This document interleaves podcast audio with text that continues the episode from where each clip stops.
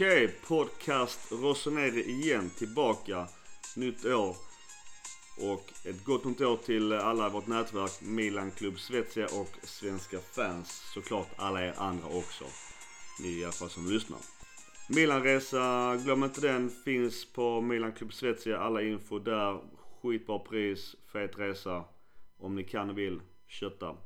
Vi eh, börjar direkt nyåret med en eh, person som har varit med tidigare. Jennifer Wegerup. Hon eh, har ju rätt bra koll på Zlatan. Och det känns ju som att detta blir ett Zlatan-år för Milan. Så varför inte köra igång med det direkt.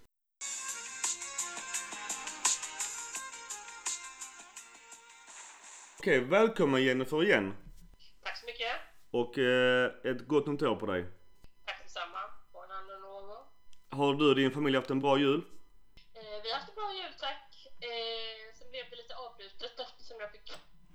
Jobba en del där. Eh, och sen eh, i mellandagarna och sen kastade mig iväg till Milano den 2 januari. Men det, det är så mitt jobb är. Ja, för du var ju med Milan-TV på förhandssnacket inför Zlatans eh, premiär. Ja, och jag var på plats och jobbade väldigt mycket åt SVT, Sveriges Television, eh, fyra dagar i rad där vi gjorde mängder av inslag och direktsändningar och inslag till Rapport och till Sportnytt och Sportspegeln och Morgonstudion och lajvar och så det var hårt jobb och så skrev jag samtidigt några krönikor till Expressen så det blev fem väldigt intensiva dygn där som avslutning på det som skulle varit jullov. Väldigt jagad journalist med andra ord. ja, men jag klagar inte. Det, det är mitt jobb. Men, eh, men det, var, det var intensivt helt enkelt. Du tänkte innan vi pratar lite Zlatan. Eh, jag såg här på ditt eh, Twitter-inlägg. Du har ju också någon, någon resa eller någon bok. Vill du berätta lite kort om det? Ja, eh, det är en bok som jag har gjort många böcker, men detta är min senaste bok. Den heter Det ljuva fotbollslivet, guiden till den perfekta italienska fotbollsresan. Eh, och den idén fick jag mycket därför att eh, jag får så väldigt, väldigt mycket mejl i läsarmejlen, särskilt Expressen-mejlen då, och har fått även tidigare de åren jag var på Sportbladet med folk som frågar om tips, hur man ska åka till stadion, vad man kan få autografer, om man kommer in på träningarna, eh, vad supportershopparna är, vad man kanske kan se spelarna och så är det väldigt, väldigt mycket frågor om biljetter. Eh, så då kände jag så här, det tar mycket tid och kraft att svara på mejl, men framförallt kände jag att man kanske skulle sammanställa allt det här i en bok. Och så gjorde vi det till de största eh, klubbarna. Det är då Milan intervjuer, Roma, Lazio, Fiorentina, Napoli, men det är mycket om andra också. Och däremellan är det krönikor om italiensk fotboll, mina minnen, bilder, det är en ordlista på de främsta italienska fotbollstermerna och det är massa generella tips och råd vad man ska göra och inte göra sådär. Så att, eh, ja, det blev den här boken. Och finns den även i svensk bokhandel här och nu? Oh ja, det är det den finns. Den finns inte i Italien för de har ju koll själva. Utan det, det finns en svensk bokhandel och det finns eh, framförallt eh, det enklaste är att beställa den på nätet på Adlibris så har man den på två dagar. Bara gå in på Adlibris och söka på mitt namn så kommer den upp och så bara beställa hem den. Perfekt, jättebra. Jag verkligen rekommendera. Ett, ett sent julklappstips. Exakt. Men du om jag återgår till Zlatan. Du satt ju på Milan TV med Georgia med flera och pratade om matchen. Hur är allt snack nere i Italien kring Zlatan och vad kan förväntas av honom, allt det här? Det är ju otroligt stort och jag skriver även, som du kanske vet, för Gazzetta dello Sport ända sedan 2006 så är jag deras Nordenkorrespondent här i 14 år nu och jobbade med dem sedan 2001. Samarbetar vi i snart 20 år. Så att jag sitter ju på Gazzettas redaktion i Milano och på, på Milan-redaktionen där med min goda vän Alessandra Bocci som har följt Milan sedan 93 och sådär. Så att vi har haft kontakt hela hösten ganska intensivt, sen i november i alla fall, för då började man förstå att det kanske skulle bli någonting. Även om Zlatan var ganska tveksam till en återkomst. Så uh, det har varit mycket och intensivt och uh, varje gång man kommer upp på redaktionen så ropar cheferna uh, hur blir det nu med Zlatan och sådär. Så, nu är det ju enormt stort att han kom tillbaka och förväntningarna har varit skyhöga. Hittills han har inlett bra så får vi se hur resten av året blir. Hur kommer det sig att han var tveksam till att återvända till Milan? Det tycker inte jag så konstigt. Dels för att han känner sig själv. Zlatan är inte dum.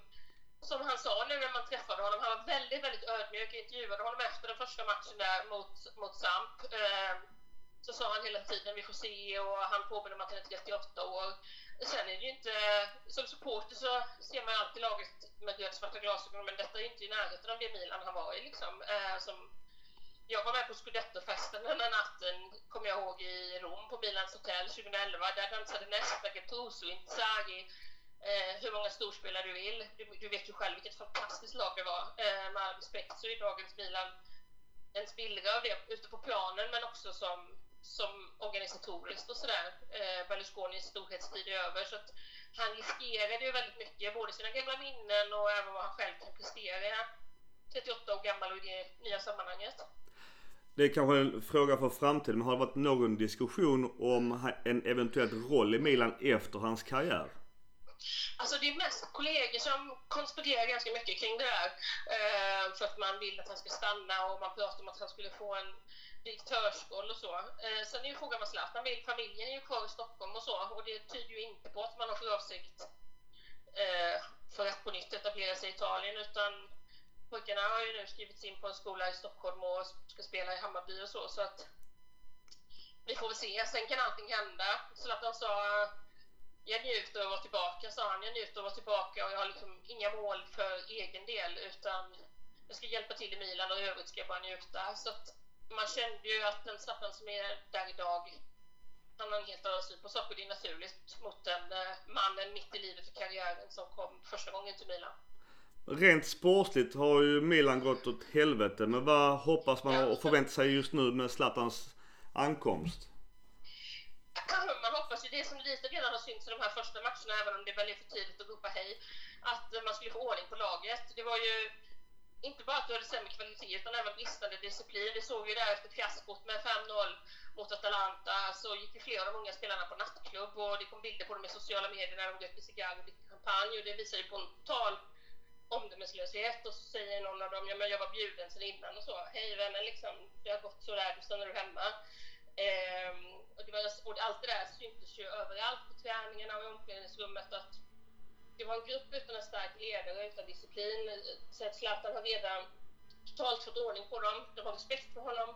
Eh, det är mycket bättre fokus på träningarna. Han lär ut en massa. Och, och det är det man hoppas. Att på något sätt att allting ska stramas upp och man ska få tillbaka glöden och viljan. Att han kommer med både disciplin och hopp. Är det något snack där nere just eh, Zlatans inverkan eh, på Pioli och eventuellt taktiken redan? det är ganska mycket snack och Pioli sa ju att vi pratar men det är jag som tar ut laget och Zlatan är ett proffs och han skulle aldrig ta ut laget. Eh, för det är väl vissa som spekulerar och det var till och med någon som sa att redan att det är Zlatan som tar ut laget och så. Jag tror inte att det är Zlatan som tar ut laget. Däremot är det ingen hemlighet att han, han kommer ha ett starkt inflytande. Lite på samma sätt som han hade ett starkt inflytande i, eh, i landslaget. Och, och haft det på andra ställen. Nu är ju Milan också lite svaga och han är väldigt senior så det är klart att han, han, han, jag säger inte som sagt att han kommer inte ta ut vem som ska spela på planen exakt, sätta upp startelvan, men det är helt klart att han har ett stort inflytande över det som kommer att ske nu i Milan under våren. Det är också lite så spekulationer om Zlatan och EM. Han har ju själv sagt nej, men tror du att han är, har liten glänt öppen i dörren där? Alltså det är en jättebra fråga. Jag vet verkligen inte. Jag var ju där som sagt med honom i mixade zonen efter första matchen och när han då fick frågan, det var inte jag som ställde den utan en kollega på TV4, då var han väldigt eh, sådär, han bara avfärdade totalt på ett ganska glatt sätt liksom att nej, nej, nej, det där är bakom mig liksom. Eh, han lät väldigt uppriktig. Eh, sen ska man aldrig säga aldrig, det kan hända att han kommer i form och får blodad tand, men Zlatan är inte dum heller och Eh, som du ser liksom nu eh, så spelar han ganska mycket från stillastående än så länge. Han spelar väldigt smart Milan. Eh, han vet eh, han vet vad som skulle krävas i ett EM och så. Och sen i frågan hur bra han och Jan Andersson skulle gå ihop och sådär, det har ju varit lite hårda ord från Zlatans sida. Så att jag tror att det är mycket media som haussar upp det här. Vi är mitt uppe i silly season och Zlatan ryktades vilja har någon garanti på att den skulle komma en eh, nummer 10 eller något liknande storstjärna till Milan också. Vad är ryktet nere i Milano kring eh, transfer? Ja, det är lite hit och dit. Ena dagen så säger man att ja, nu är det klart och sen säger man att eh, det blir ingenting. Så jag har svårt jag pratade, eller jag skrev lite med eh, en kollega som är väldigt duktig på transfermarknaden, Romano Fabrizio, men eh, det är ingen som vet det här exakt i detaljen, eh, så vi får se. Jag tror att för Zlatan är det viktigt. Jag minns ju våren 2012 när man skulle värva TVs och så blev det inte så. Man behöll Pato därför att han var ihop med Barbara Berlusconi och det kostade Milan scudetto den våren och Zlatan var otroligt bitter över eh, eller bitter, han var upprörd över att man eh, hade varit så otaktiska och låtit privata saker stå, stå före fotbollen och så. Eh, nu är Milan i en helt annan situation, men helt klart är att en sån spelare skulle göra väldigt stor skillnad.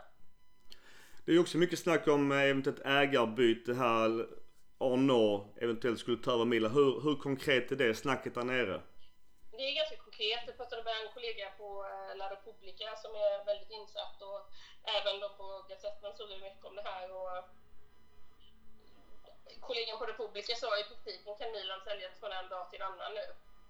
Och menar liksom också att eh, som han sa då, inte mitt citat, men citat bakom kineserna finns hela tiden Berlusconi och Berlusconi bara nöjd om dagens Milan går sämre än vad hans Milan gjorde och sådär. Helt klart skulle Milan behöva nya ägare med riktigt stora ekonomiska muskler. Någon som på allvar kan satsa så länge man inte, det vet vi, har de riktiga pengarna kan man aldrig komma tillbaka. Det har vi ju sett nu här under den här långa, långa kräftgången som har varit ända sedan våren 2012 när man missade scudetton och sen sålde man Zlatan. Jag kan säga att problemen började i november 2011 när Berlusconi förlorade sin politiska makt där. Eh, och då kunde han inte riktigt längre flytta runt pengar och göra som han ville och sen dess så har ju Milan varit en skugga av sig själv och så. Medan Juventus har fortsatt att dra ifrån. Så, du, eh, ja.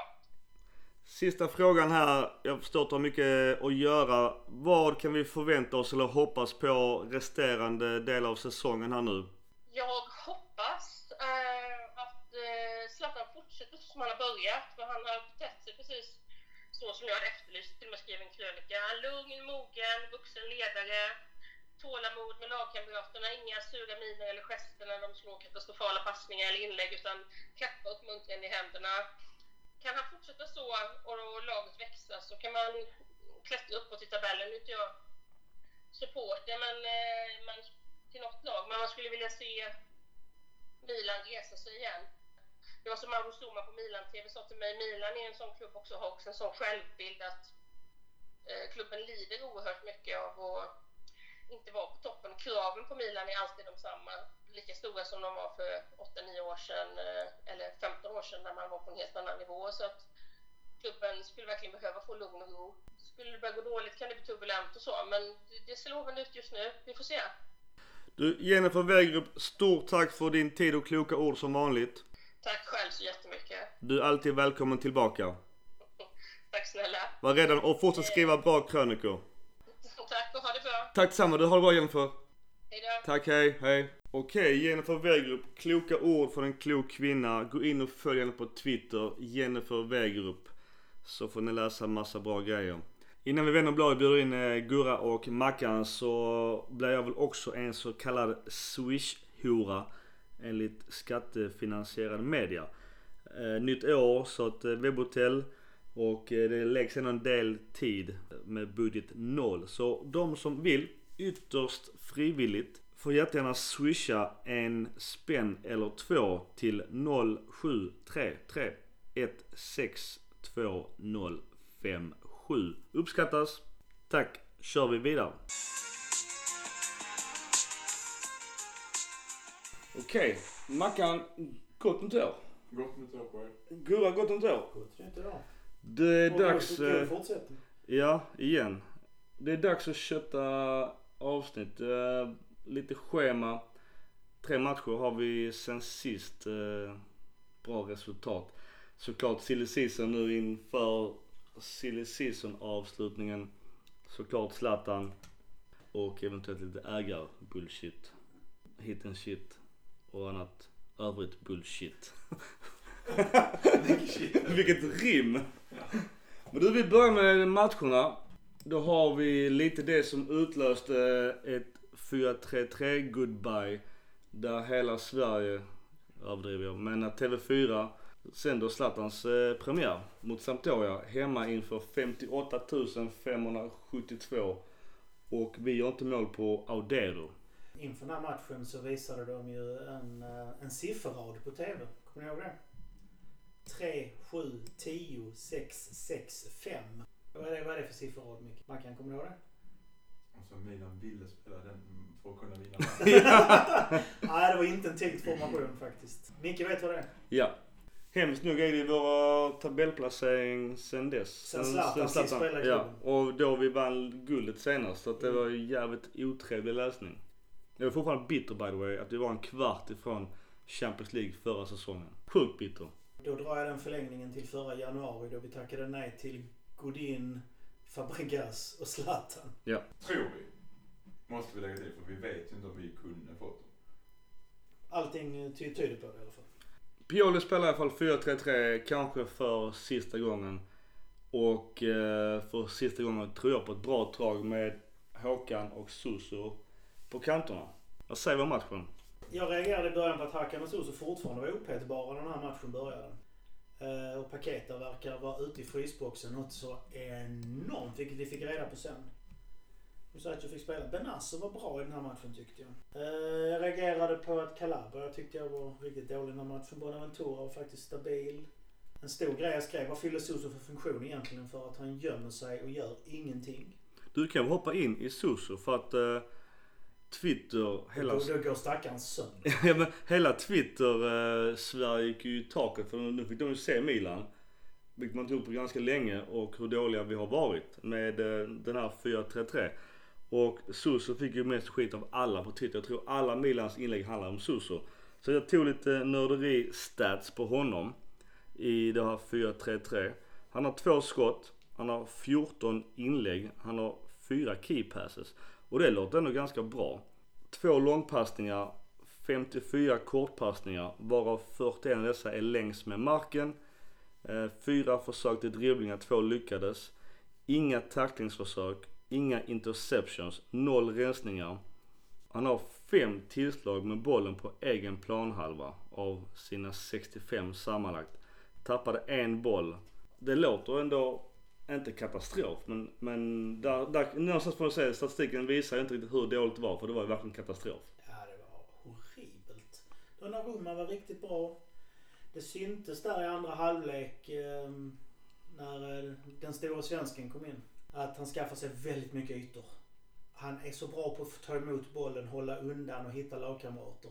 Sen var han inte riktigt i fas där, det, det får man ju säga. Men det syntes att det, det fördes in en ny dimension i anfallsspelet. Men jag är lite besviken på Zlatan för jag hade hoppats på att han skulle komma tillbaka och vara den, det här lejonet han vill vara och, skrika och gama på alla Sato Hakan och Suso som var skitdåliga men han känns lite, nästan lite omärklig, eller märkligt ödmjuk och okej och applåderade dåliga saker av Suso. Ja men i första matchen när du kommer tillbaks, du hade, hur länge har du varit i klubben? Fyra dagar?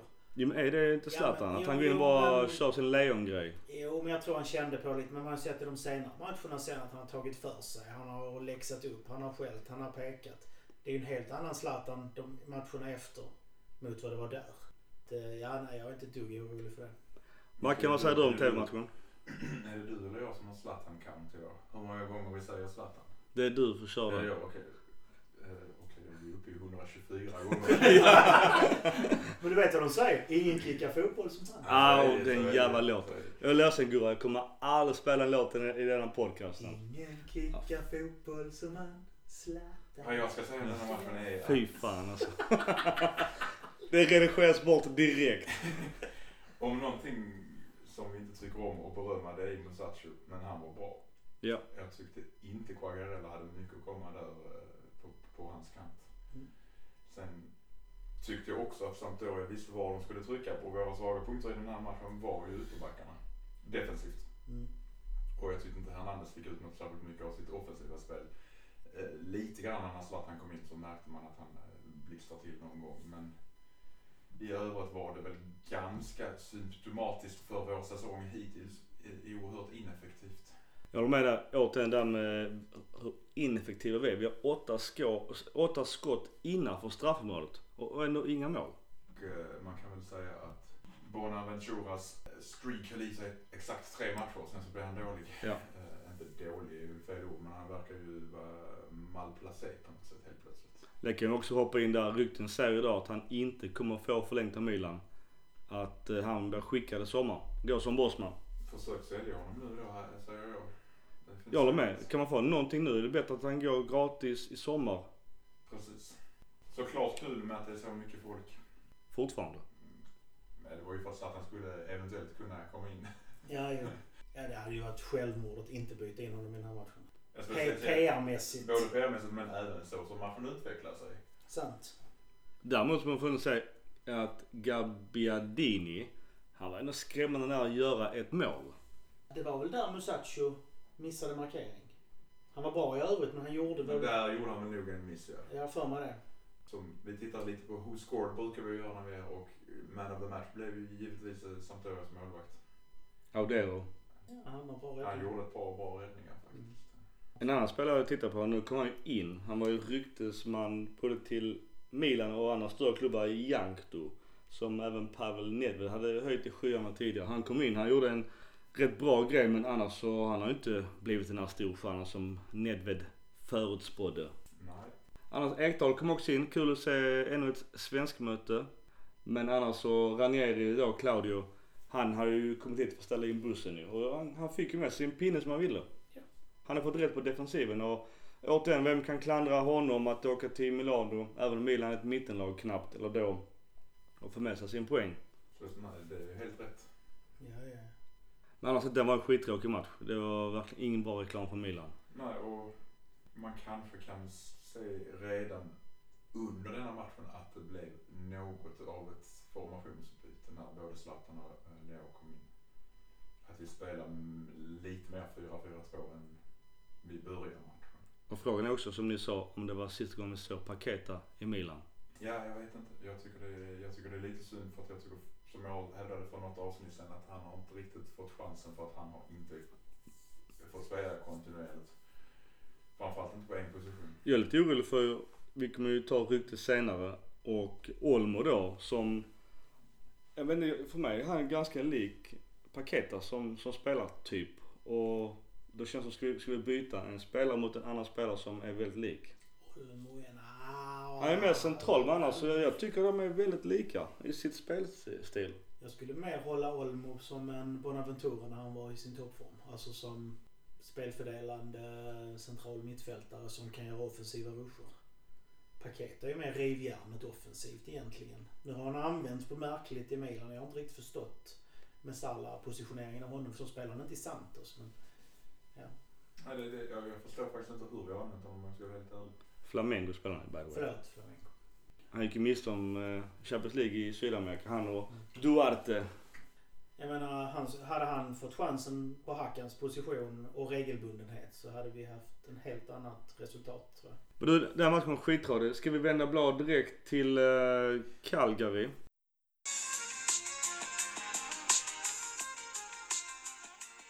Cagliari borta inför eh, en liten publik på 16 412 på Sardegna. Sardegna Arena. Rosario dömer mot, och Cagliari spelar 4-3-2-1. Julagran. En julagran med vår svensk i målet, Olsson, gamla MFF-an. Och han var väl okej. Det- Vi kan väl säga så att det var rätt skönt att vi fick möta dem nu och inte för sju, åtta omgångar sen när de var i stöt. Mm. Nangulan var ju inte alls bra i den matchen. Nej, jag undrar om han var dålig eller vi lyckades göra honom dålig. Det är, är jag lite osäker på faktiskt. Men fortsättning på, som du sa Markan, den här matchen är ju eh, en fortsättning på sista delen av Sampdoria. Det vill säga att vi spelar två anfallare, 4-4-2. Vi börjar ju i, i det vi har fortsatt med sen. Med lycka. Något jag har gnällt i, jag vet inte hur många avsnitt, att jag vill se Milan spela en variant av 4-4-2. I alla fall, körde Två- anfallare. det- I alla fall två anfallare. ja. Ja. Återigen, alltså, inget ont om Piontek. Men han har varit skitdålig och det vet ju alla, det är ingenting att humla om. Men återigen, spela mellan Sus och Hakan. Alltså det är som jag sa. Jag skulle vilja se Zlatan eller någon annan toppspelare göra det. Det är, är hopplöst. Jag bara säga att om, om Higuain som vi pratade om förra, förra, eller förra avsnittet. Om Higuain som en av världens bästa anfallare som han var när han kom till oss. Inte kan spela där och inte får en enda boll. Och misslyckas. Det är väl klart som katten att det inte beror på honom fullt ut. Klart att Piontek stackaren har haft ett helsike. Men nu eh, Zlatan och Leao verkar hitta varandra och det är jättepositivt. För Leao har ju Zlatan tagit lite under sina vingar på ett ganska snyggt sätt och kan Leao suga åt sig allt av Zlatan så kan ju Leao faktiskt bli den här, ja, de de förutspådde i Portugal att han skulle bli när han blev köpt till Lille. I vårt 4-4-2 så får då Castillejo Samo då chansen efter Susos urusla insats mot Sampdoria och gör det fantastiskt. Han, jag tycker att han var bäst i Milan. Till och med hos Gård tyckte Till och med det. Men, och nu kommer säkert jättemånga hata mig. Men för mig är han fortfarande en ytterst bra andraman på sin position. Jag tycker inte han ska vara förstavalet. Det är bara det att Suso är så jävla dålig. Inte, egentligen tycker jag, han gör en bra match så ta, det menar jag verkligen. Men jag tycker inte att han ska vara förstavalet på den positionen. Det som du och jag skrev till varandra i vår interna chatt att Suso är en bättre spelare än Castillejo. Ja. Men han gör det så jävla svårt och han får ju sin starstruck grej att han nu ska göra allt. Nu ska rädda Milan. Och då blir det så jävla jobbigt för honom att se. Det blir så lättläst. Istället bara för keep it simple. Nej, jag, jag, jag är inne på samma tänk Mackan. Alltså Castillejo är den bästa vi har. Men han är egentligen inte tillräckligt bra för att vara första kille. Och Suso är definitivt inte det. det ja, men jag, jag, jag, jag är inne på båda delar. Mm. Jag tror nog att egentligen har Suso mer talang. Men Castillejo har ju en arbetsvilja som det kvittar. Det, det, det slår hans talang med hästlängd just nu i alla fall. Mm. Ja, för just nu är ju Castillejo jävligt het och han går ut öppet och säger att han är för det första gammal milanista som, som barnsben. Och säger just nu att Milan och jag har en jävligt grym symbios och det är jävligt kul och nu får jag spela. Och när jag får spela så får jag faktiskt visa hur duktig jag är. Jag vill bara säga hur nöjd jag var för att för några veckor sedan så, så var jag med i en diskussion med Milan Club Svezia där jag skrev att jag tyckte Castillejo borde vara permanent på högerytterpositionen just nu som, som det ser ut. Och blev utskrattad och sådär. Och nu går han in och dominerar. Jag, tyckte, jag tycker det är underbart. Du hade rätt man Jag hade rätt. Du hade rätt. Vi erkänner det Gurra, du hade rätt. Om, om jag får cred för att jag har gnällt om 4-4-2 i ett halvår. Ja, absolut. Men skitsamma, vi, vi, vi tycker vårt. Du hade rätt. Ja tack. Vi tycker vårt och andra tycker sitt. Fine och fair. Men och tycker någon någonting annat så får ni jättegärna komma och ringa in så får vi ta det. Men Kessie däremot, han har ju också fått en utveckling till det positiva i det här 4-4-2 varianten. Och helt plötsligt så är inte han lika angelägen om att bli dumpad av Milan som innan. Det som har sagt hela tiden, används Kessie rätt är han en, alltså en, en riktigt, riktigt bra spelare. Men han måste börja användas rätt. Vi såg lite av det, inte i denna matchen så alltså han gjorde ju bra jobb här och som vi pratade om innan också att han och Benasser som defensiva där den ena vinner bollen och den andra fördel, fördelar spelet. Det kan vara en jättebra lösning. Då gäller det att det ska inte vara den offensiva pressen. Det ska inte vara de här... För visst, han, han är ju smart. Vinner han bollen högt upp, vilket han ofta gör, så har han svårt att göra något vettigt med den. Jag håller med alla som gnäller på honom för att han sparkar bort den för att han inte riktigt har, som vi pratade om innan, han har mer hjärna än han har fötter. Eller bättre hjärna än fötter. Eh, det ser jättedåligt ut men man måste tänka på att han vann ändå bollen i första läget. Och kan han göra det på egen planhalva istället och bara ett kortpassning till en sidledsstanne. Vinna bollen, eh, kortpassning till någon som är bättre och så får de göra något kreativt. Mackan, har du åsikt om Kessie? Vara eller icke vara? Jag tycker nog, jag är fortfarande inne på eh, det här med vad ekonomi är. Vad får vi för honom? Mm. Rätt bud så tycker jag nog ändå att vi ska sälja honom fortfarande. Men då går vi kanske max break-even då? Är det rätt bud? Vi måste väl då lägga till också att vi behöver ju faktiskt köpa en spelare då. För man kan tycka vad man vill om Kronic men han tar inte den rollen. Mm. Tycker inte jag i alla fall. Kronic är ju också kanske för offensiv för att ta den rollen så att säga. Jag står fast vid att Kronich är den perfekta avbytaren. Han kan gå in på hela mittfältet och göra ett okej okay jobb. Hålla okej okay Serie A-nivå.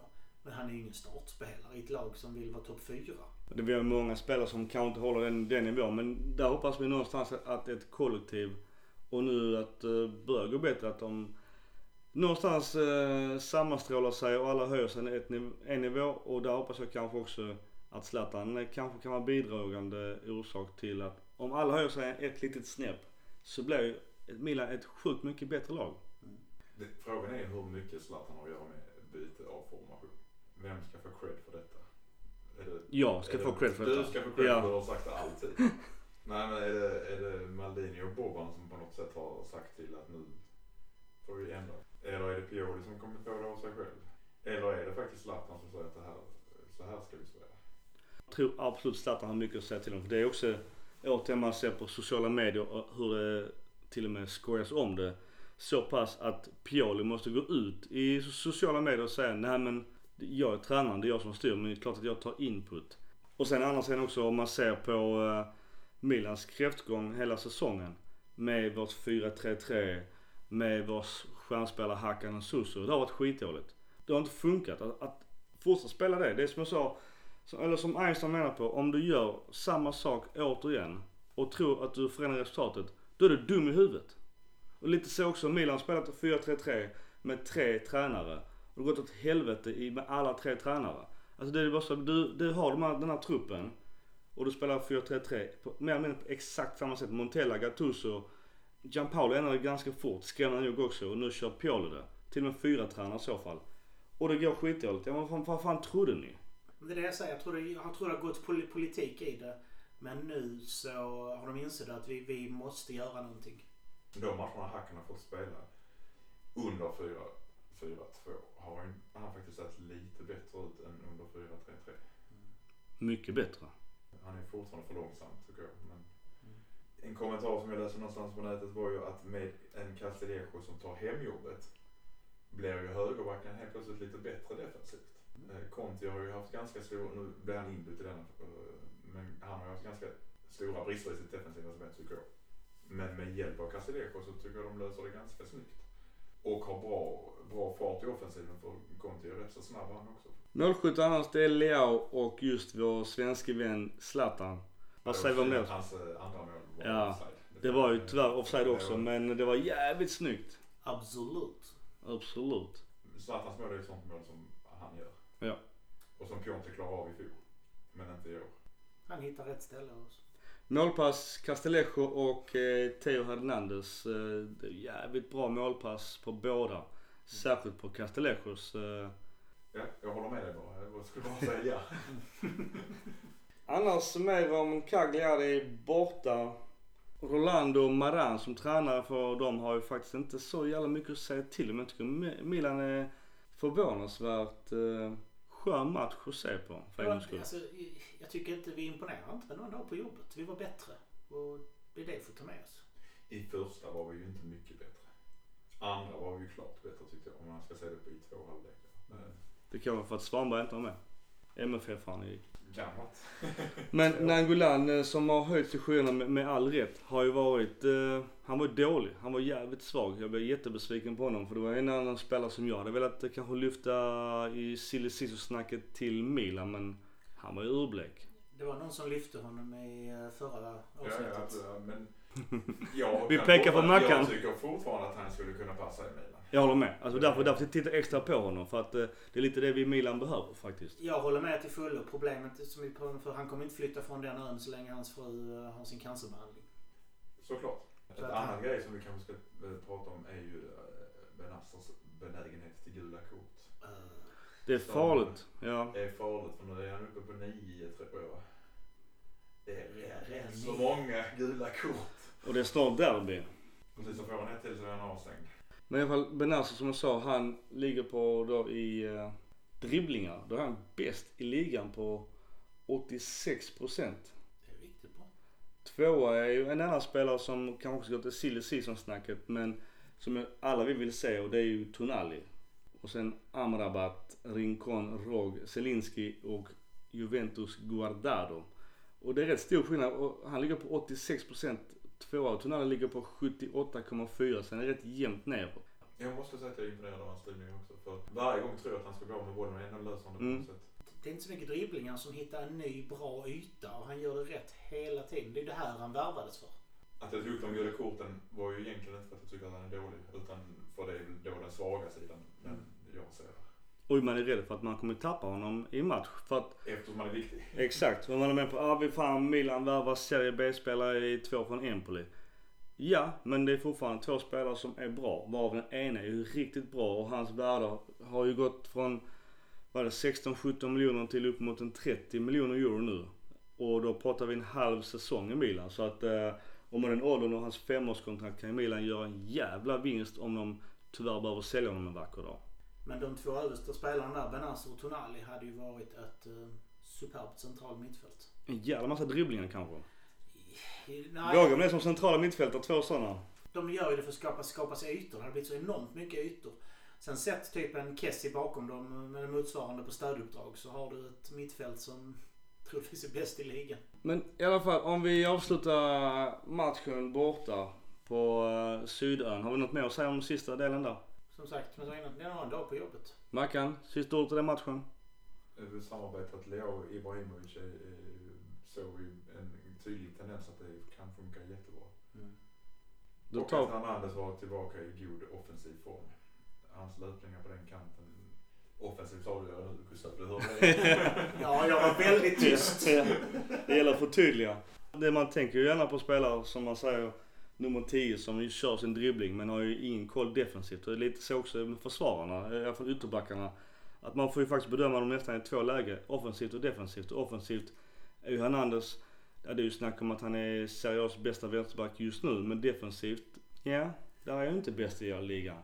Nej, verkligen inte. Sen så pratade jag vidare med anfallspar att jag tror egentligen att Zlatan och Piontek hade varit ett bättre anfallspar. Just nu. Men Leao har sån enorm potential så att det är nog därför de har honom. För att han ska vara i superform, alltså verkligen få den här utvecklingen. Skillnaden med Leo är att han är ju, har ju snabbheten och kan göra sin gubbe. Det ser ju jävligt konstigt ut men han får ofta med sig bollen och han väl får med sig bollen till skillnad från dribbling med på mitten. Dribblar han sin försvarare är det ju uh, autobahn mot mål. Så att, uh, ja, keep doing that shit. Där är stor skillnad mellan deras karaktärer, Piontek och Leo. Sen så då eh, möter vi ju, sen så vi gör två mål. Det är liksom, vi, vi möter ju, de har ju faktiskt killen i backlinjen som eh, för två år sedan bedömdes vara bättre än uh, eh, Klavan men det var en liten miss av Liverpool att släppa honom med tanke på hur bra han har varit. ja, det är lite smalingvarning. För de som inte är med på diskussionen så sommaren 2018 så var Koulibaly till försäljning för tror jag 38 miljoner pund. Och då fick Jürgen Klopp, Klopp frågan av eh, journalisten att man ska inte värva honom. Uh, varpå han sa att nej nej, Koulibaly är inte bättre än någon back vi redan har i klubben. Och då spelade Klavan Motklabban. Så vi skojar lite om det. Ja, Koulibaly är på väg bort men hela Napoli går ju åt helvete just nu med vår kära vän Gattuso. Och det är inte hans fel. Men han har ju inte, han har inte direkt räddat dem heller. Nej, men jag tycker om man tittar på hur Milan Twitter beter sig mot Gattuso nu så tycker jag det är lite svinet faktiskt. Ja. För bara för att han tar en krisklubb, som jag faktiskt måste säga att Napoli har, har blivit i år. Och så jämför de allting. Men han var, som du sa, han var en kvart från Champions League med ett lag som inte var bra. Så han ska faktiskt ha cred för, för det han gjorde i Milan. jag. Jag tror många av samma Milan-support som håller på med det här uh, på Twitter är också lite förbannat just Napoli sparkade den gamla Milan-legenden Ancelotti efter en 4-0 vinst. Nej, jag tror det var mer än... Det- ja, det var redan bestämt. Det var ju någonting annat. Ja, det var ju bestämt sen tidigare, absolut. Men, men det var också en jävligt konstig diskussion att, att Napoli går inte bra. Man har förväntat sig att de ska vara topp två som vanligt stort sett. Går skitdåligt och börjar vända skutan och då får han slå till sparken. Och så tar man då in Gattuso och vet inte riktigt varför de gjorde det. Men, men så, var- så är fallet och det går ju tyvärr skitdåligt för honom. Gattuso kanske inte skulle tagit uppdraget från början i Napoli. Det kan jag väl hålla med om. Men Den kostymen är rätt stor också att bära. speciellt med tanke på deras placeringar senare och deras prestationer senare. Och det är hemskt att se honom i andra kläder än Milans. Gattuso. Ja, det är hemskt. Jag vill säga, han skulle varit assisterande i Milan. Permanent assisterande. Det hade varit... Det det hade höjt truppen något så enormt. Ah, maskot. Nej men alltså, det är faktiskt väldigt vanligt om man tittar på i andra sporter att, man, att klubben anställer assisterande, en assisterande. Sen om huvudtränaren som kommer in, eller coachen, med managern, så får han anställa en om han vill ha en. Men en då som man har bevisat funkar med spelartruppen och som är liksom en connection med klubben. Jag tror det hade varit hur klockan som helst. För den, den relationen Gattuso ofta bygger med spelarna och knyter ihop. Han har hela kulturen, och hela traditionen. Att ha honom gå bakom en supertränare. Nej, jag säger inte att Pioli är en supertränare, men Men om man med, Och med Ibrahimovic i laget som gillar, de gillar ju varandra. precis. Om man leker med tanken, nu är det ju fritt för spekulationer under silly season, men i sommar om Allegri kommer tillbaka som har haft Gattuso, gillat varandra och Gattuso har fått sparken i Napoli. Då, hej, kom och träna med oss i Milan, du får vara assisterande. Lätt. Jo, frågan är bara, har Gattuso den någonstans prestigelösheten att säga ja, jag kör på det. Jag, jag, jag är bakom dig mister i ett, två år, lär mig allt och kör den rollen för sen prova igen. Jag tror det faller på två saker. Ett, eller det handlar om två saker. Ett, jag har svårt att se att Gattusos ego, för han, har, han, han tycker väldigt mycket om sig själv, skulle ha den självinsikten att gå ner och vara assisterande i ett par år bakom någon annan. Skulle han göra det skulle all heder åt honom, men jag tror, jag tror inte han gör det. Och sen rent krasst, han, kan, han tjänar fem, sex, sju gånger mer på att vara huvudtränare i en annan klubb. Kan Milan på något sätt kanske genom på något sätt ge honom en superlön så absolut. Men det kommer ner till de två sakerna. Ego och pengar. Mackan sista ord på matchen. Det blir en lång parentes. Jag hade väl redan sagt mitt sista ord. ja, men då vänder vi match då. Ja. Det vi pratar om är Spal Cup. Eh, Vi vinner med 3-0 men vi har, de har mycket mer boll än vad vi har. Spelar det roll i och för sig men Det här var bara en dag på jobbet. vi spelar med Rebic och Piontek på topp. Det var den matchen du trodde började åtta. Ja, Jag missar ju returet. Jag kollar ju bara chatt ju. Men däremot ska sägas att vi har ju ett rekord också från matchen. Ja, vi har ju Milans bästa målvakt genom tiderna på de första 300 minuter. 300 minuterna hålla nollan. Första målvakten någonsin. Antonio Donnarumma. Det kan ingen ta från honom. Nej, nej, nej. Jag Man kan fan inte ta ifrån honom att han har gjort bra prestationer de Nej. han har fått chansen Den, den är jag förbannad återigen för, för att jag är så jävla snål. Det är att här i lillebrors deal blir han inbakad sin en miljon euro om året och det är han fan inte heller värd. Men någonstans så kanske ändå. Alltså, Alltså rent krasst. Jag, jag vet jag har sagt det här innan. Om det håller Gian, eh, Gianluigi nöjd. Det höjer hans träningar. Och han kan komma gå in och faktiskt leverera när han gör det. Då är en miljon euro om året ganska billigt. Han gjorde ju ändå en hel del kvalificerade räddningar i denna matchen. Precis. han gör själv, själv sin roll. Däremot det ska, som ska sägas i vårt 4-4-2 det är att eh, vår danske vän Simon Kjær går in. Det är naturligtvis för matchträning på Kjär också. Spela ihop honom med Romagnoli. Och han gör det bra. Ja, Det är ingenting att säga om Kjärs insats. han kunde inte gjort det sämre än den han ersätter i och för sig. Men... Nej, det är inte så. där hade vi väl, var inte Musashi skadad redan då? Han spelade i förra matchen. Jag tror han blev skadad under någon träning fram till dess. Så jag tror inte vi hade något val. Gabriel. Ja, det skulle vi kunna gjort. Gabia kom Ja, in som gjorde sin debut ska också ja, sägas. Han kom in sen. Blev hans när han blev... Han blev inte han- testad. blev Han testad. Nej, nej, men, men han stod alltid rätt. Han var på rätt positioner. Han sålde inte ut sig, gjorde inga dumma chanslöpningar. Han, han spelade, han gjorde vad han behövde. Vad du kallar habil insats. Exakt. Och för de som, är det fler som inte vet vad habil betyder så kan, nej jag bara skojar. Vi kan ju baka in Kjärs eh, insats här med eh, nästkommande match och vad säger vi egentligen om eh, värvningen Kjär? Smart. Riktigt smart. Vi får en som kan ligan, som kan prestera på en bra nivå och som har väldigt mycket rutin och kommer höja erfarenheten. Han kommer troligtvis höja Romagnoli också. Och med ligan menar också att han även kan språket. Sen sin Palermo-tid etc. Så att, vad säger du Mackan om Kjär? Inbakat i en Caldara-deal ju. Och ett ganska kortsiktigt kontrakt i ett halvår eller säsongen ut han har fått. Där finns det säkert någon möjlighet till förlängning där kan jag tänka mig. Men Sen Caldara-delen, det är en helt annan den, sak. den vill vi inte ens prata om. Just Caldara-dealen som ingen av oss vill prata om är ju lätt världshistoriens sämsta deal. Milan eh, köper Bonucci för 400 miljoner kronor. Byter tillbaka Bonucci till Juventus. Vi får Caldara. Caldara är skadad mer eller mindre konstant i två år.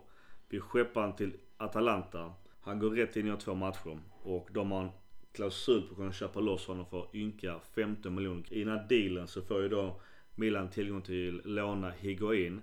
Dyrt jävla lån. Han går rätt dåligt i Milan och Milan också skiter i att köpa Immobile. Så att världens sämsta deal måste det vara. För jag har mer, mer att säga om matchen. Ja. Eh, och eh, han är ju inte tänkt som en start mittback. Nu tror jag han är det. Men han är ju Denna, denna säsongen. Jo, han är Ja. petad mot eh, Brescias i kommande. Enligt Gazettans outcome av eh, lineups. What? Ja, tyvärr är Musacho tillbaka på fredag. Så det är lite, det är, han är, har inte tagit den. Vi gjorde, jag la upp en undersökning i vår Facebookgrupp, eh, podcast Rossoneri. Om vem man vill se då som mittback bredvid vår kapten. Och där var ju förkrossande många, inte vad det kanske säger ett piss om deras kvalitet. Men, men var ju förkrossande majoritet som vill se Kjär bredvid Romagnoli. 94 procent senast jag kollade. Och det är rätt så förkrossande. Av sju röstande. Nej, det är 100 röstande. Skojar. Det man kan säga om uppställningen i den här matchen i alla fall, det var ju att det var ju ingen rak 4-4-2 vi spelade. Det har vi inte gjort en enda gång som vi Nej. till 4-4-2. Utan det, det vi kör, för de som vill leka lite grann med siffror. Alltså vi kör ju nästan en 4-5-1. Vi kör nästan det gamla 4-3-3 fast med lite annan justering på det. För vi har, vi har tre centrala mittfältare. Castillejo som högerytter, Rebic här och sen vi pratar i nästa match sen så är det lite grann samma sak. Medan anfallaren sjunker ner lite. Vi kör någon mixuppställning. Där de tre centrala mittfältarna kör eh, alltså på växelvis på positionerna. Så att de som ser det som en rak 4-4-2 i alla uppställningar som släpps, det stämmer. Det är inte, inte riktigt sanningen. Jag, inte, jag håller med i denna men annars så tycker jag att det känns ganska... Men i alla fall. Målskytt återigen Piontek. Vad betyder det för honom? Att han fick göra ett riktigt mål, inget, inget straffmål. Han brände ju sig också några men kan det betyda någonting för honom? Spelar vi två anfallare så behöver vi ha tre bra strikers så att det känns ju dumt om man skickar honom. Ja, eller kanske till och med fyra strikers. Om man nu ser Rebic också som en striker eller ytter, jag vet- det vet jag inte exakt men Han får bra betyg på grund av det han gjorde. Men sett till hans chanser så borde han gjort två mål till. så egentligen var det ganska dåligt. Egentligen på det sättet kan man tycka det är dåligt. Och samtidigt är det bra att han kommer till lägena. Att han får fram dem. Så Ja att han fick till. absolut. Det, Så att, eh, visst att missa men jag säger att ha 33% utdelning är ändå ganska hyggligt för en anfallare. det, ena är ju, det, det, det ena är ju såklart så att min mormor, hon är 86 år gammal, hade gjort mål på. Jo men hade hon orkat ta sig dit? Ja. För han fick bollen fri. Ja. Ja, hon kunde stått där. Jag tycker om Piontek. Alltså jag tycker om Piontek egentligen. Eh, Men jag tycker givetvis har hans självförtroende drabbats av den här säsongen såklart. Så på något sätt kan vi ju hoppas att hans självförtroende har fått en uppsving. Annars, eh, kuppen är ju vår enda chans på titel. Hur hårt bör Milan gå på kuppen? Eller ska man satsa allt på att bli topp 6, 5 6 någonstans? Beroende på hur transferfönstret går nu, för just nu har vi mest sålt. Vi har ju tagit in någon, vad var det nu han hette? Begovic. Zlatan, tänkte jag. Absolut! Absolut! Men jag tycker alltid att Milan ska kunna spela på mer än en front. Men det som du sa, vi börjar få ganska tunn trupp. precis, det är det. Det- om, om truppen inte förstärks eller breddas så har vi, tycker jag det är viktigt att satsa på ligan. Vi är ju på samma halva som Juventus om vi skulle ta oss förbi nästa runda. Och de har vi ju inte slått sen Supercupfinalen i något arabland. Ligan är alltid prio ett. Men som sagt, ska man vara en stor klubb då gäller det att man utmanar i alla turneringar man ställer upp i. Och har som målsättning att faktiskt vinna alla turneringar man ställer upp i. Sen så är jag fullständigt frustrerad över den här hysterin att vänta till slutet av varje transferfönster innan man värvar. Alltså Jag är med på din varför linje. väntar man Jag är med hela på din tiden? linje rakt av där. Och så också som du sa Mackan i ett tidigare avsnitt att det tar uppenbarligen konstigt lång tid för spelare i Serie A att acklimatisera sig. Så ta dem då så fort som möjligt. Just för att få den tiden. Absolut. Absolut. Absolut. Du vill lämna Den, cupen? den låten kan du väl spela i alla fall? Vi kan väl då. Vilken låt? Känner på Zlatan. Absolut. Med han Robin? Han är ändå från Lund. Han är från Järbo. Åkarp Åkarp är han Åkarp. faktiskt från. Ja. Kommer du inte ihåg låten Åkarp? Jo, den var bra. Ja. Ja. Okej, det är förort till Lund. Mellan Lund och Malmö för er som inte har aning om geografin. Näst största tätorten i Burlövs kommun. Vi kan i alla fall Innan vi byter match. Vi kan poängtera att Spal faktiskt slog Atalanta. i matchen efter. Och just det, men det är också en annan sak på tal om Spal och Atalanta kontra vår match. Det var att min polare Pategna var ju inte med alls i vår match.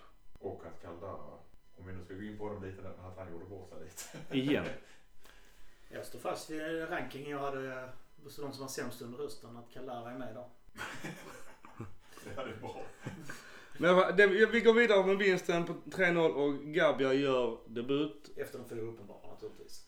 Just det. Det säger ju först om Gabia att han var ju hans agent på, på Casa Milan idag där vi har hängt en del. Och han verkar bli utlånad till Parma. Om nu ryktena stämmer. Vi alltså bara tre mitt? Jag vet inte om han kommer Det- få speltid i säger- Parma. Han, ja, det är det också. Får han han är inte lånad spel- lånad till Nej, han får Parma? låna ut honom inte har fått speltid. Jag vill kanske poängtera en sak om den här matchen också. Att Castellecos mål var väldigt vackert. Ja fy fan vad det var snyggt. Han bara tog den. Var stillastående också nästan. Det var lite Messi vi på den. Mm, och bara dänger upp den i Ja, bort det till var krysset. Fan vi är dåliga på att avsluta. Nu, nu avslutar vi. Nu, nu nästa match. Nu är det roliga matchen. Vi är lika dåliga som ni. Ja. ja. Jag tror du skulle göra en Piontek-referens. Jag Vi tar är-. Ineffektiva.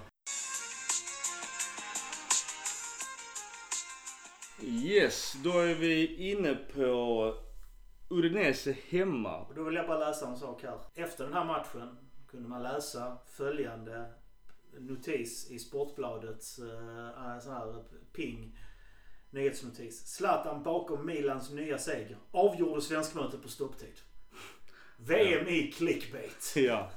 Men Aftonbladet är en skittidning. Punkt. Roligt att vi helt plötsligt kan läsa om Milan i svensk media. Det har vi inte kunnat göra på, ja sen han gick därifrån förra Ja. gången. Ja, men det är klart att media i Sverige, all form av media drar ju såklart eh, vind i seglen med Zlatan. Och om du skriver Zlatan på Twitter så får du en miljon inlägg. Alltså inför den här matchen när jag såg laguppställningen så, så, så tittade jag och så ser jag att ingen Musacho, ingen Suso, ingen Hakan, ingen Biglia och 4-4-2 och ingen Rebic då heller. Vad ska Micke klaga på nu? Nej, jag, jag sa det. Vad fan ska jag gnälla över? Jag, Jag jag, vet vad du ska gnälla för, det har jag redan svarat dig. domaren. Domarna. Ja, ja. De har i alla fall alltid någonting du kan... Luca Parietto, han... Eh, jag vet inte, var han så dålig? Kan jag, kan jag ens klaga på Han domaren? var inte så dålig. Nej, vad fan ska jag då gnälla Det brukar väl inte hindra dig från att Nej, klaga nej, på nej, nej, domaren? nej. Jag kan klaga på allt och alla. Inga problem. Men i alla fall den här matchen eh, så blev Bonaventura utbytt eh, mot Rebic. Vi får återgå till Rebic sen för han är ju såklart och därför ska jag också såklart erkänna att jag har ju sågat Rebic utan dess like och, jag står för det definitivt. Men jag ska likväl i den här matchen höja honom till skyarna. Men vi återkommer till Rebic utan vi tar matchen då mot Udinese med deras 3-5-2 med deras nummer 10 eh, De Paul på mitten som vars agent har varit på Casa Milan idag. På tal om silly season. Vi får se hur det slutar. Men eh, de kvitterar efter jävla bulla misstag på våra ytterbackar. Så 0 0-1 eh, är ju Donnarumma som... Han gör ett bra initiativ men han har en dålig fullföljning av det. det så kan Det är ett jävla misstag. Ja, Vad fan gör han där ute? Jag tycker det är rätt att han rusar ut men var mer säker på, på vad han gör. Jag köper utrustningen rakt av men... eh, Mm. Det känns som att han har fått det som eh, direktiv inför säsongen att han ska kunna gå ut med. För att han har gjort mycket flaxningar långt ute. 1-1, väldigt bra lagarbete. Conti levererar till Re- Rebic. Tycker den är riktigt, riktigt bra. Cred till Pioli att han ändå äh, vågar byta ut en ganska svag Bonaventura. Han hade ju ingen bra första halvlek. Att han ändå gör det bytet direkt i halvlek och tar in en Rebic som, han var ju inte jättebra heller i kuppen mot Spall innan. Har varit iskall dessförinnan så att jävla fingertoppskänsla eller ett riktigt stort fuck you till Paketa. N- när man såg matchen hur vi spelade så låg Leao ganska långt ut. Castillejo långt upp. Vi hade nästan tre centrala mittfältare som spelade rakt och hade ett zon och pressunderstöd. Man såg när någon sprang igenom zon att de pressade växelvis hela tiden. Eh, när vi vann bollen så rörde sig Bonaventura mer upp som en offensiv mittfältare, alltså en AMC-position. Och ville få bollen där. Och hade alternativen på kanterna. Alltså väldigt intressant taktisk tanke.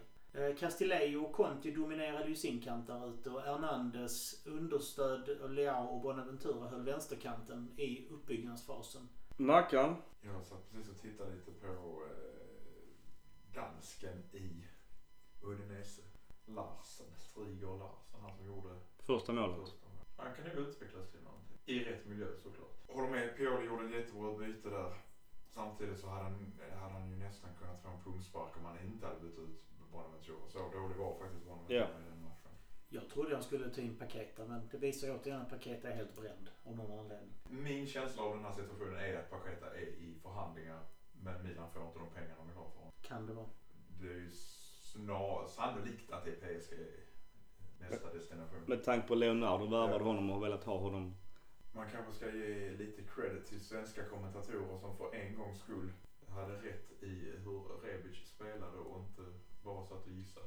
Du menar i MFF-han Concha och eh, Jesper Husfeldt. Jesper Husfeldt. ja. Husfeldt har varit med i, i podcast Rosenero och han säger att han inte är milanista men Jag gillar egentligen Husfeldt på grund av att han faktiskt gillar Serie A. Eh, Sen så tycker jag att han kanske ibland är lite väl färgad som kommentator. Han är, han är milanista fast han inte vill erkänna det.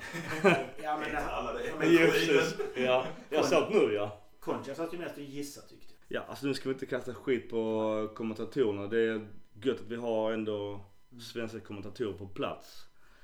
Absolut. Och det här är väl den matchen som jag eh, mest ser att Castillejos hemjobb hjälper ytterbacken om jag nu ska... Jag skrev det här också att de har ett jättebra samarbete. Ja. Castillejo och Conti, både, både, både offensivt och, Och defensivt. defensivt, ja, det- Alltså de kompletterar den, de äger den högerkanten. Och det är jättekul att se. Lite grann som när faktiskt som Suso och Calabria hade i ett antal matcher i förra säsongen. Mm.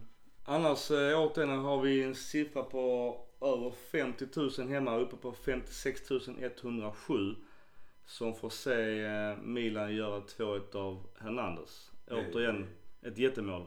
Det är sinnessjukt bra det målet också. De kvitterar och där, där har vi sagt också att eh, våra, återigen Hernandez, han gör 1-1 med sig själv. Jävligt lamt eh, försvarsjobb eh, och eh, Conti då han, han hänger inte med. Han, han gör ju miss på målet som eh, Lasagna gör. Ja, men det stora misstaget är Hernandez. Ja.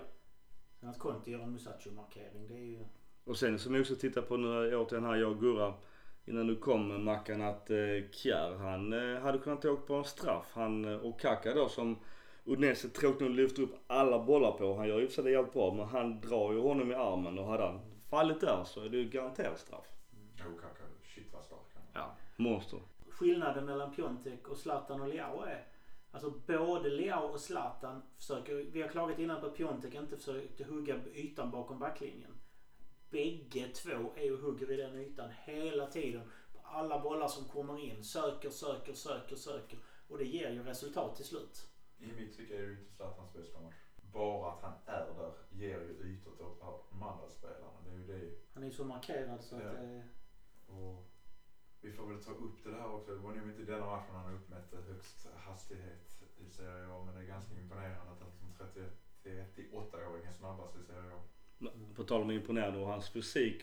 Det kan ju jag glömma att göra det. När han tar ner bollen på bröstet och går ner som i någon jävla limbo. Det är, Det är galet. hur fan kan man göra det? det visst nu är han ju en taekwondo-kille. Och kör mycket eh, sparkar och liknande men det är jävligt imponerande att se och de klippen har gått runt på, på Twitter såklart. Han är ju han... Man såg också här en intressant sak att Leao är en väldigt typisk eh, straffområdesspelare. När han fick, han fick en löpning en kontring och det märkte han är så fruktansvärt snabb de första 10-15 metrarna. Och sen händer liksom ingenting. Så att han är, han, han, ska, han ska ligga runt straffområdet och hugga. Där kommer han ju vara hur bra som helst men inte långa kontringslöpningar. Jag tror också det blir lättare om man nu ser på just Zlatan Impact på Milan att eh, man kan ju köra långt. Alltså Piontek han vann ju säkerligen hälften av bollarna han fick på huvudet. Men då var det ju helt tomt kring honom. Nu har ju i alla fall Leo som vet ja men Zlatan kommer antingen skarva eller ta ner och spela bollen vidare. Så jag går i djupet. Jag, jag, håller man nära Zlatan så kommer jag få bollen förr eller senare. Men stackars Piontek, ja okej han kan ta ner bollen kanske, han kanske nickskarvar vidare. Till vad då? Det är en död yta på 50 meter.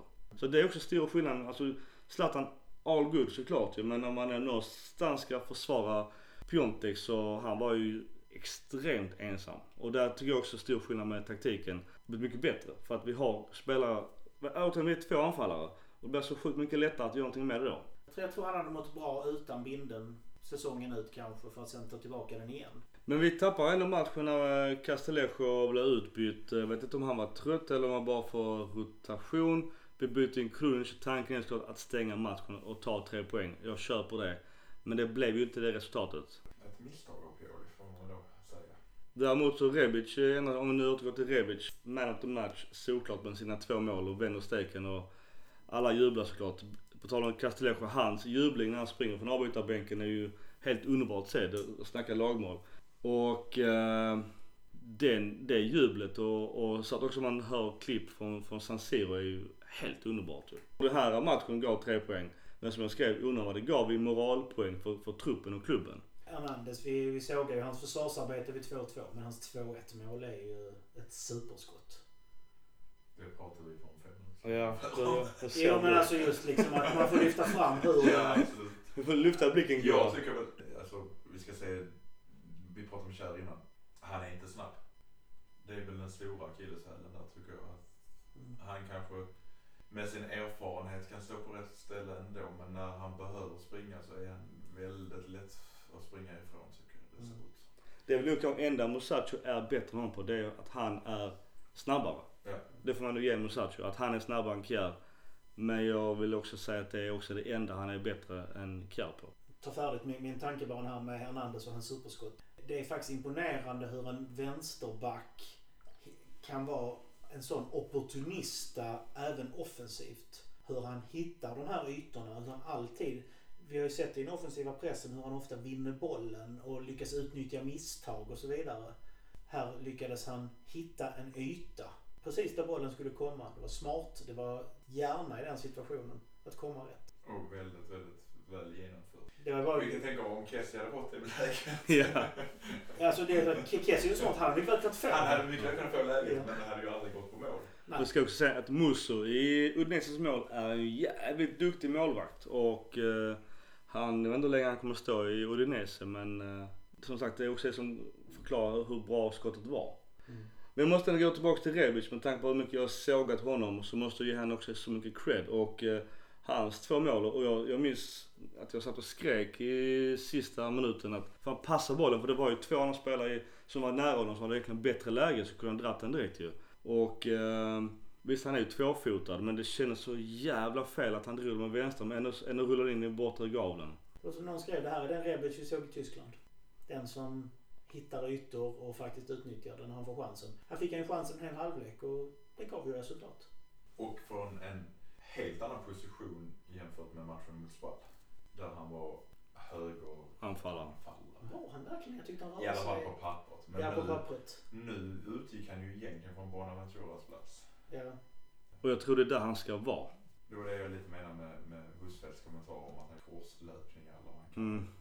Med tanke på att han är, som du sa, precis tvåfotad så eh, funkar ju det.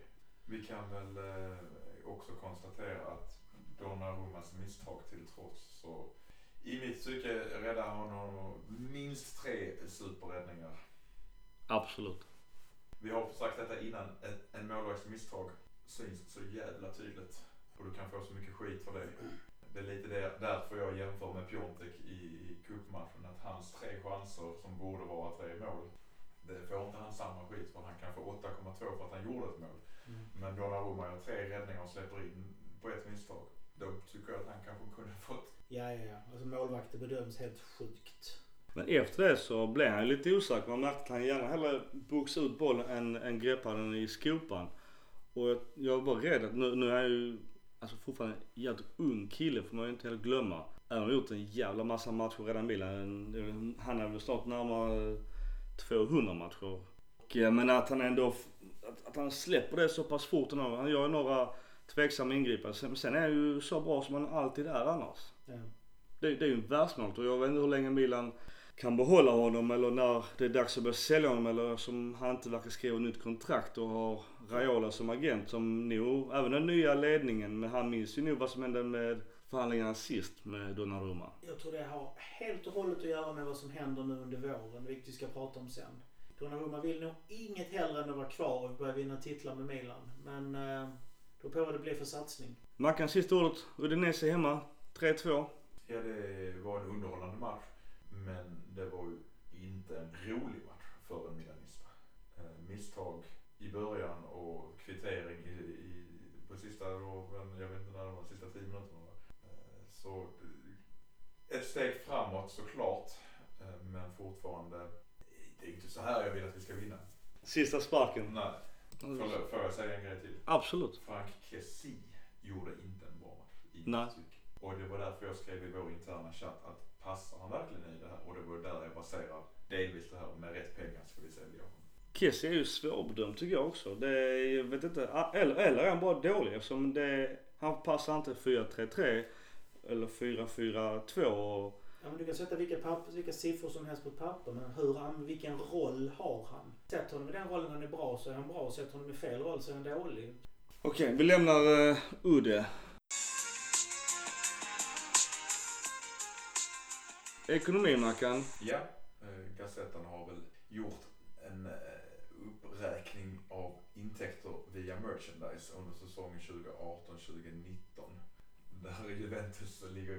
på en klar etta på 44 miljoner euro.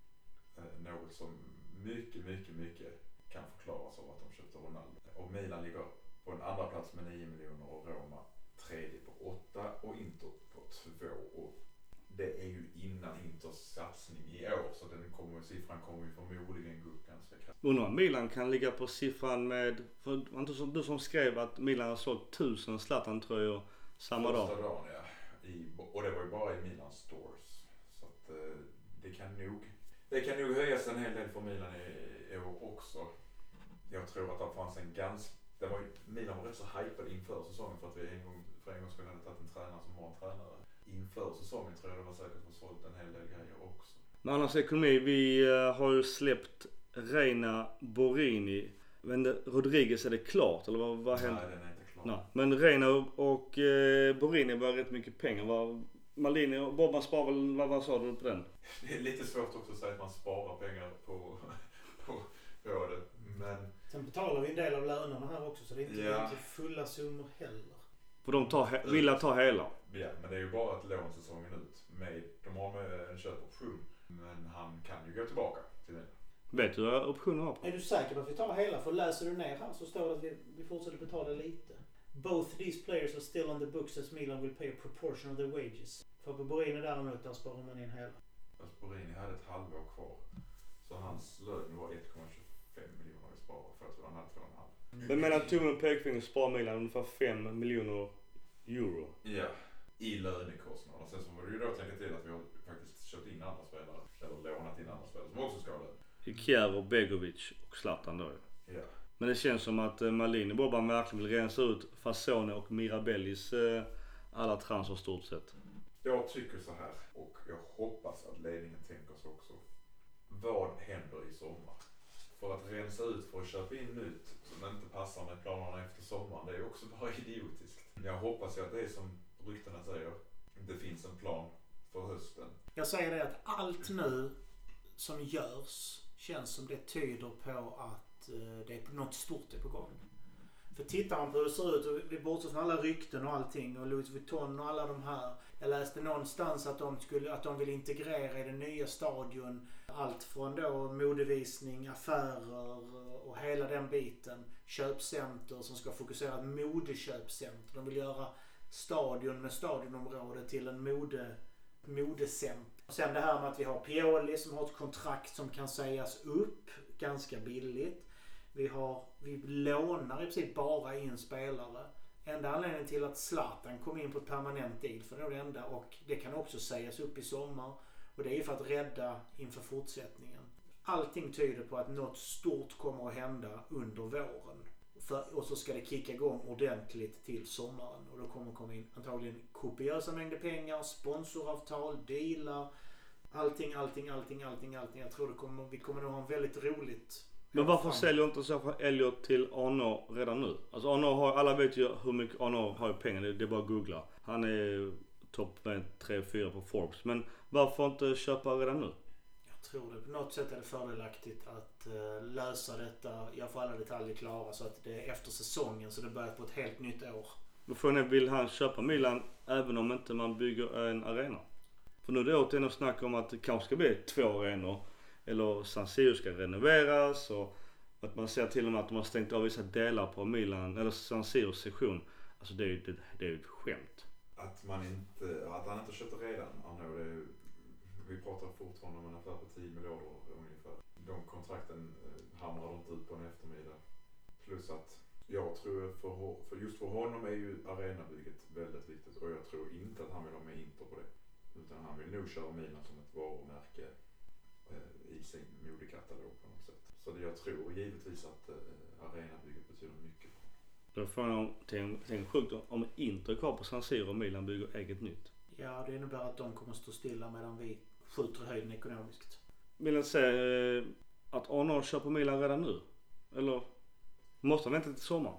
Vad händer med Milan nu? Alltså det, är det parentes till sommaren? Men det är därför det inte köps in. Jag, jag tror vi går in lite i en passus just nu. Och sen så skulle de komma in nu och få allting på plats och investera.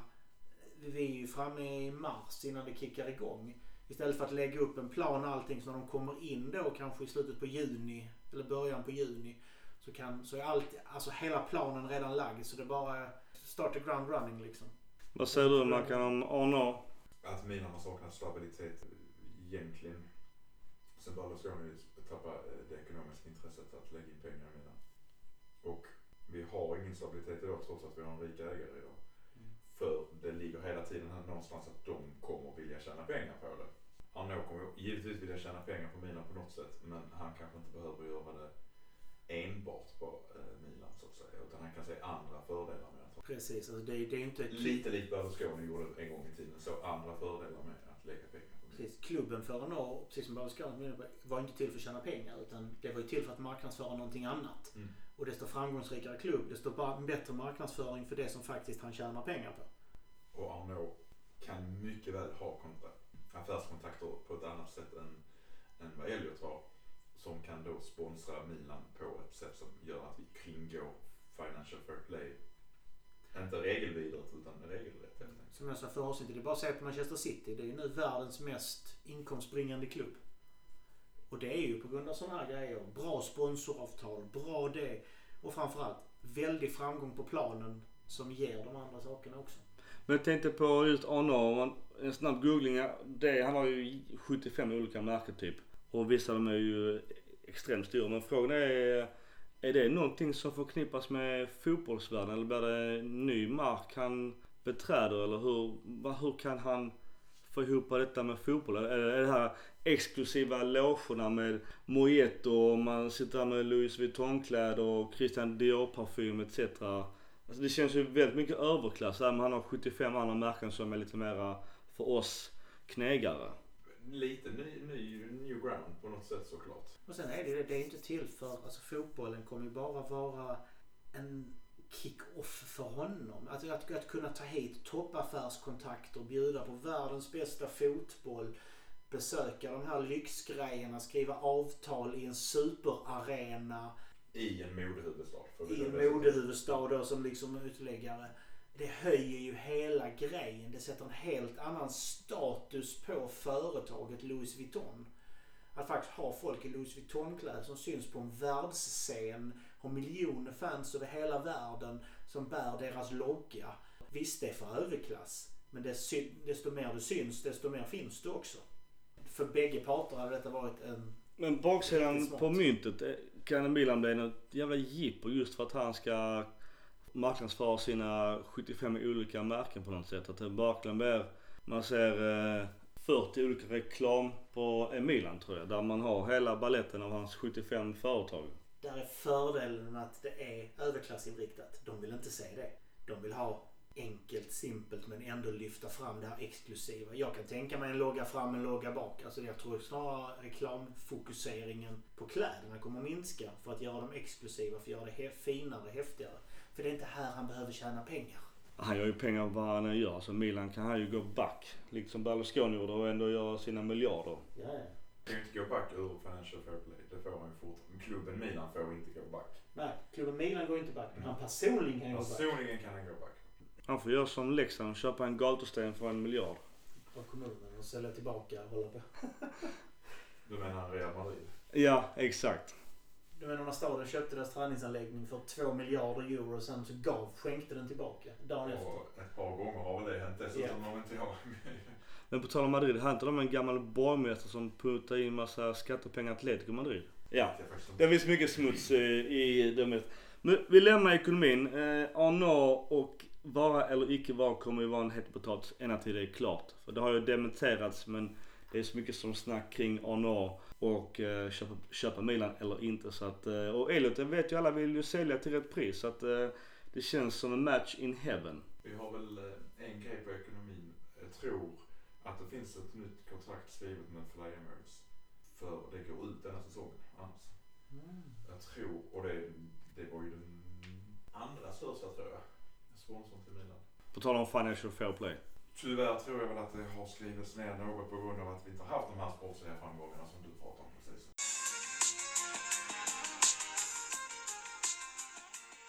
Okej, vi tar bara och sitter silly innan hit and shit. Susu, vad fan händer med honom? Enligt transfermarkt har han ingen agent. I alla fall registrerad. Men poängen är fortfarande, vad händer med honom? Vår eh, spanjor till höger. Som idag, han, hans värde har ju gått ner till, här är pund. Så 27 miljoner pund, ungefär 30 miljoner kronor. För vi sålt honom i januari redan. Han ville ju spela EM så han borde väl gå. Precis som med att köpa. Vi kommer sälja honom för sent så vi kommer inte kunna göra någonting av pengarna. Det börjar redan nu det ticka. Liksom, nu är det den 22. Jag tycker Milan överlag får lite pengar för sina försäljningar nu. Alltså Rodriguez då som är, som du säger Gurran, en habil vänsterback. Eh, alltså det, det är ju kaffepengar han ryktas för. Men vad jag förstod så var Milan var tvungen att sälja för minst 5,75 miljoner för att gå break-even på Financial Fair Play. Men det är ju, det är ju kaffepengar för en sån back. Anledningen till att vi får lite för våra spelare är för att vi har köpt dåliga spelare. Det är därför vi fick... Jag får göra en pudel på den. Jag har läst eh, en artikel som sen är bortplockad verkar det som gällande Borini till exempel. Vi fick noll för Borini. Det är, det är det är ingen slump att vi har suttit och sågat dem här nu. Jag, jag har ju bara varit med och sågat dem ett och ett halvt år. Ni har ju sågat dem längre än så. Vissa av dem, Biglia och gänget.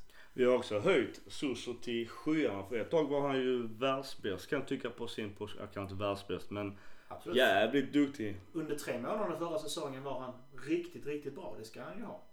Annars så Todibo vi pratade om sist, på tal om silly season, han gick ju till Schalke. Vi tappade åt en spelare till Schalke 04. Jag fattar inte. För att vi vägrade gå med på en återköpsklausul. Men eh, annars på tal om Tyskland, Olmo då som vi pratade om också, att mycket Twitter-snack. Där ryktas att eh, Leipzig, någon av Red Bull-laget, att de hugger honom. Och att Men- vi inte ger dem, vad var det, 30 som de ville ha. Det. Milan var villiga att betala Zagreb men Milan var inte villiga att betala agenten 7 millar för det. Aha, vad är det det är för? Och det är lite som Haaland ju. så hårda regler efter, eh, efter egentligen Mirabelli som drog fram de reglerna att de ska inte betala för stora avgifter, för höga avgifter till agenterna. Mm. Jag tycker det är rätt för det ser man nu Haaland. United tappade honom för att eh, Raiola skulle vilja ha alltså ett bisarra summor på den. Och sen också att de bakade in en klausul att de köper honom för den klausulen de var tvungna att sälja honom för. Men har en eh, uppköpsklausul på 50 miljoner euro. Så Haaland kan ju, kan ju stanna i Dortmund i en säsong bara. Och då gör de ju 20 miljoner i och för sig men de har också betalt Raiola nästan de här pengarna då. Så de är fan knappt plus minus noll. Och jag, jag tycker det är rätt. Alltså de här agenterna idag. Det är alldeles för mycket makt. Vilken klubb var det jag läste? De, de, de, de, de kan gå med på att ge mycket pengar till agenten men de minskar de pengarna till spelaren istället. Ja. Så de sätter det i proportion till varandra. Eller, eller bara så, här är en, här är en summa pengar. Slåss Hur ni sen delar det, det är upp till er men detta är vad ni får. Och sen skiter vi i resten. Ja. För just nu, att, att det är på den nivån nu, är det, funkar liksom inte. Att Milan inte får pengar för de spelarna vi har är det Mirabelli och Fasoni som köpte spelare för dyrt. Ja. Ut efter vad de faktiskt de köpte vissa spelare, som vi alltid har sagt, ut efter eh, möjlig utveckling som Conti och, och Kessie till exempel. Kessie tyckte jag egentligen var ganska dyr om vi tänkte efter vad vi betalade för honom. Att vi inte ska använda honom. Eh, ja, Jo men sett till ålder och eventuell potential så är både Conti och Kessie bra. Och det är också typ de som är nästan kvar idag i Milan som Fasoni Mirabelli köpte nästan de här trojanska hästarna från Inter som har ju sabbat vår ekonomi totalt. det, det- ja André Silva, både du och jag tyckte att det var ett bra köp. Ja. Han hade en jävla potential när vi köpte honom. Det var ett bra köp men Montella vill inte spela honom med. Och återigen det här 4-3-3. En som i alla fall anfaller mellan Hakan och Suso. Zlatan, André Silva, Messi. Jag tror inte det spelar någon roll. Att sälja Suso kan ju ge, kommer ju ge en nettovinst oavsett hur du tänker på. Jag tror vi betalar 8 miljoner en gång i tiden för honom. Att sälja honom för 27-30 miljoner euro är ju fortfarande en bra affär rent ekonomiskt. Och sen tjänar han ju 411 000 pund i månaden. Att få bort den posten på, vad blir det, ungefär 10 miljoner euro. Och han har ju snart utgående kontrakt och vill ha mer pengar så att eh, de kommer ju dela på sig bara frågan om när och vad vi får och vilken klubb han hamnar i. Jag gissar på eh, att han hamnar tillbaks i Cadiz. Nej, Sevilla kanske. Men du, annars ska vi köra avslutningsvis hit and shit. Vem vill börja? Ska jag börja? Min, min shit Shit and hit. Hit and shit. Nej okej, jag börjar med hit. Hitten är ju att eh, Milan har ju mer eller mindre bytt system. Något som jag gillar. Men eh, det stora plusset, eller hitten, är ju eh, moralen som jag tror att eh, kom här efter Udinese 3-2. Den eh, moralvinsten tror jag kommer höja Milan extremt mycket och jag hoppas verkligen att de tar också Brescia och sen så eh, att vi har full pott eh, mot Inter så går in i eh, med självtro- självförtroende inför den matchen. Eh, shit, jag vet inte om det är shit egentligen men eh, en gammal kompis till oss i Kevin Konstant, han har lagt eh, skorna på hyllan. Var, jag vet inte hur jag ska ta det hit eller shit men just nu är det så mycket positiva vibbar för Milan så jag har fan ingen direkt shit att ta. Så jag lägger in Kevin Konstant, eh, den här gamla legenden som alla undrar vem fan är han är och vad fan gör han i Milan? Och han kommer väl med Birsa som alla tänkte vad fan är det här två för luffare? Du kan få en hit till om du pratar gott om Rebic. Rebic, absolut eh, fantastiskt inhopp och han räddar ju Milan och eh, jag, jag kan tänka mig hitten med honom att om han återigen, vi pratar om det, spelar, spelar på rätt position i rätt taktik så kan det bli en jävla utveckling. Spelar du spelarna i fel taktik med fel uppgifter, då blir det skit. Så att eh, Samo Castellejo, han är fantastisk nu. Rebic har varit fantastisk. Zlatans inverkan på Milan är ju underbar. Hitten är eh, lite som du var inne på. Den förändring i självförtroende som faktiskt kom med Zlatan-dealen.